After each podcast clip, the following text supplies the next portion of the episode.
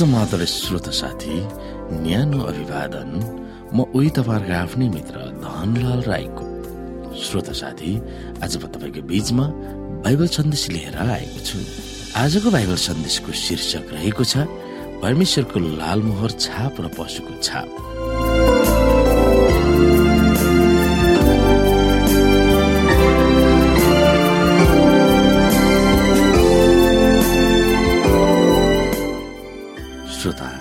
यस परमेश्वरको लाल मोहर छाप र पशुको छाप भन्ने बाइबल सन्देशमा हामीले बाइबलीय पदहरू अध्ययन गर्नुपर्नेछ जसमा रहेको छ प्रकाश चौध अध्यायको बाह्र पद एफएसी दुई अध्यायको आठदेखि दस पद मत्ती सत्ताइस अध्यायको पैतालिसदेखि पचास पद प्रकाश तेह्र अध्यायको पन्ध्रदेखि सत्र पद प्रकाश चौध अध्यायको चार पद र लुका पाँच अध्यायको अठारदेखि छब्बिस पद। र यसमा हामीले सम्झनु पर्ने पद अथवा मेमोरी गर्नुपर्ने बाइबलीय भर्स रहेको छ प्रकाश सात अध्यायको दुई र तिन। यहाँ दुई र तिनमा यस्तो लेखिएको छ जब जीवित परमेश्वरको मोहर साथमा दिए अर्को एकजना स्वर्गदूत पूर्वबाट उक्लेका मैले देखे। पृथ्वी र समुद्रलाई हानि पुर्याउने अख्तियार दिइराखेका। चार स्वर्गदूतलाई यसो भनेर तिनले चर्को स्वरमा भने हामीले हाम्रा परमेश्वरका दासहरूका निधारमा मोहर नाउन्जेल पृथ्वी समुद्र वा रुखहरूलाई केही हानि नगर। श्रोत साथी जब हामी युगको अन्तको समयमा हुने घटनाहरूमा पशुको छापको बारेमा अध्ययन गर्छौ तब एउटा निर्णायक विषयवस्तु दिमागमा छ त्यो हो परमेश्वर र मानव शत्रुले परिचालन गर्ने क्रियाकलाप वा भिन्नता। ख्रिस्ट शैतानको बीचमा भइरहेको महान भीषण द्वन्द्वको मुख्य विषयवस्तु वफादारिता आधिकारिकता र आराधनामा केन्द्रित भएको छ भनेर हामीले अध्ययन गरिरहेका छौँ। प्रकाश तेह्रमा वर्णन गरेको पशुको शक्तिको बारेमा भविष्यवाणी दानिल साथमा उल्लेख गरेको सानो सिंह र दुई थेस्लोनिकी दुईमा उल्लेख गरेको पापको मानिस वा सर्वनाशको छोरो सबै त्यो शक्ति हो जसले परमेश्वरको राज्य शासनलाई उठाउन खोज्छ। सारा जगतले आफूलाई मात्र ढोगा भन्ने आदेश दिन्छ र चर्चमा गरिने आराधनामा नकल पद्धति वा क्रियाकलाप भित्र्याउँछ। शैतानको पक्षमा लागेर उसको आराधना गर्न उसले अनेकौं उपायहरू अपनाउँछ जस्तै जबरजस्ती गरेर हुन्छ कि घर गरेर हुन्छ कि घुस दिएर हुन्छ कि इनाम वा सम्मान दिएर हुन्छ कि भाउ दिएर हुन्छ कि आदि कुराहरू तिनीहरूले गर्नेछन्। त्यसको विपरीत परमेश्वरको राज्यतिर आकर्षित गर्ने ठूलो शक्ति नै प्रेम हो।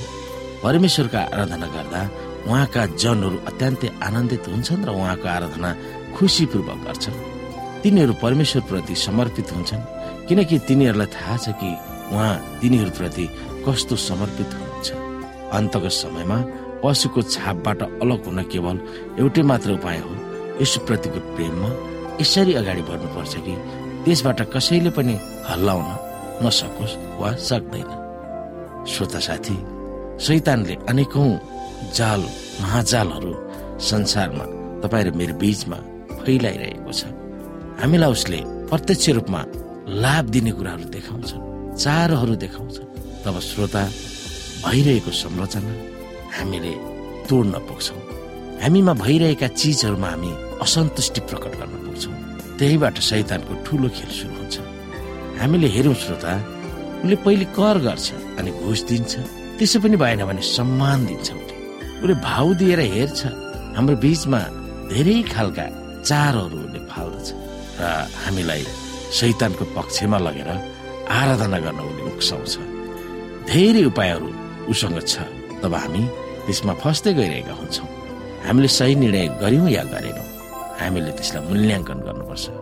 र हामी प्रार्थनाका साथ लाग्नुपर्छ कि यी र यस्ता क्रियाकलापहरू हामी बीचमा नहुन् भनेर। र शैतानले बाइबल धर्मशास्त्रमा भन्दछ कहाँ पहर निलिहालौँ भने को खोजी हिँड्दछ। श्रोत साथी तपाईँको बिचमा म एउटा छोटो कथा राख्न चाहन्छु। एकजना सिकारी या ब्यादा हुन्छ उसले सधैँ जसो जङ्गलमा गएर चारो थापेर जाल फिजाएर चराहरूलाई समात्ने गर्दछ। त्यो देखेर एकजना धेरै दुखित हुन्छ र उनले त्यहाँ भएका चराहरू मध्येबाट एउटा बाठो चरालाई ल्याएर सिकाउँदछ कि सिकारी आउँछ जाल फिजाउँछ चारो खान नजानु। फेरि आज भन्छ भोलि भन्छ धेरै दिन ती कुराहरू सिकाइसकेपछि ती चरालाई लगेर त्यही जङ्गलमा छोडिदिन्छ। उसको चाहना थियो कि चराले अरू चरालाई सिकाउनेछ। भन्ने छ सिकारी आउँछ जाल फिजाउँछ चारो थाप्छ चारा खानु नजानु। नभन्दै उसले आफ्नो भाषा नै त्यो भयो उसको लागि। र जङ्गलमा जान्छ र सबै चराहरूको बीचमा उसले उसको भाषा ओकल्दछ। कि सिकारी आउँछ जाल फिजाउँछ चारो थाप्छ चारा खानु नजानु। त्यतिकैमा सिकारी फेरि जाल र चारो लिएर जङ्गल जाँदछ। तर त्यतिखेरसम्म सबै चराहरूले त्यो भाषालाई बुझिसकेको हुन्छ। कि सिकारी आउँछ झाल फिजाउँछ चारो थाप्छ चारो खानु नजानु। यी सुनेर ती सिकारी छक्क पर्छन् र अब त चराहरू जान्ने भएछ भनेर ऊ निराश हुन्छ। तर पनि उसले फेरि त्यो जाल फिजाउँछ र चारो थाप्छ। तर चराहरू भनिरहेको हुन्छ कि सिकारी आउँछ जाल फिजाउँछ चारो खानु नजानु। यसो भन्दै ती चराहरू त्यही जालमा चारा खान गइरहेको हुन्छ र सिकारीलाई थाहा हुन्छ कि यिनीहरूमा परिवर्तन छैन। भाषा मात्रै यिनीहरूमा परिवर्तन छ तर यिनीहरूको व्यवहार परिवर्तन छैन भनेर उसले बुझ्दछ। र जति नै उसले सिकारी आउँछ जाल फिजाउँछ चारो थाप्छ चारा खानु नजानु भने पनि ऊ दैनिक रूपमा फेरि पनि त्यही कार्यलाई दोहोऱ्याइरहन्छ र ती चराहरू पक्रिरहन्छ। श्रोता साथी आज तपाईँ हाम्रो बीचमा पनि हामीले बुझेका छौँ कि शैतानले हाम्रो बीचमा ठुल्ठुला चाराहरू थाप्छ ठुला ठुला सम्मानहरू दिन्छ। ती हामी स्वीकार्दैनौँ भन्छौँ तर पनि हामी कतिपय स्वीकार्न पुगिरहेका हुन्छौँ। यसले गर्दा फेरि पनि हामी शैतानको त्यो पासोमा पर्ने खतरा बढ्दछ। यी कुराहरूमा हामी विचार गर्न सक्दछौँ।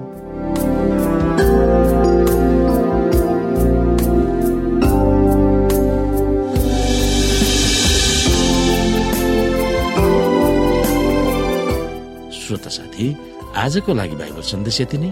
हस्त नमस्ते जय मसिंह।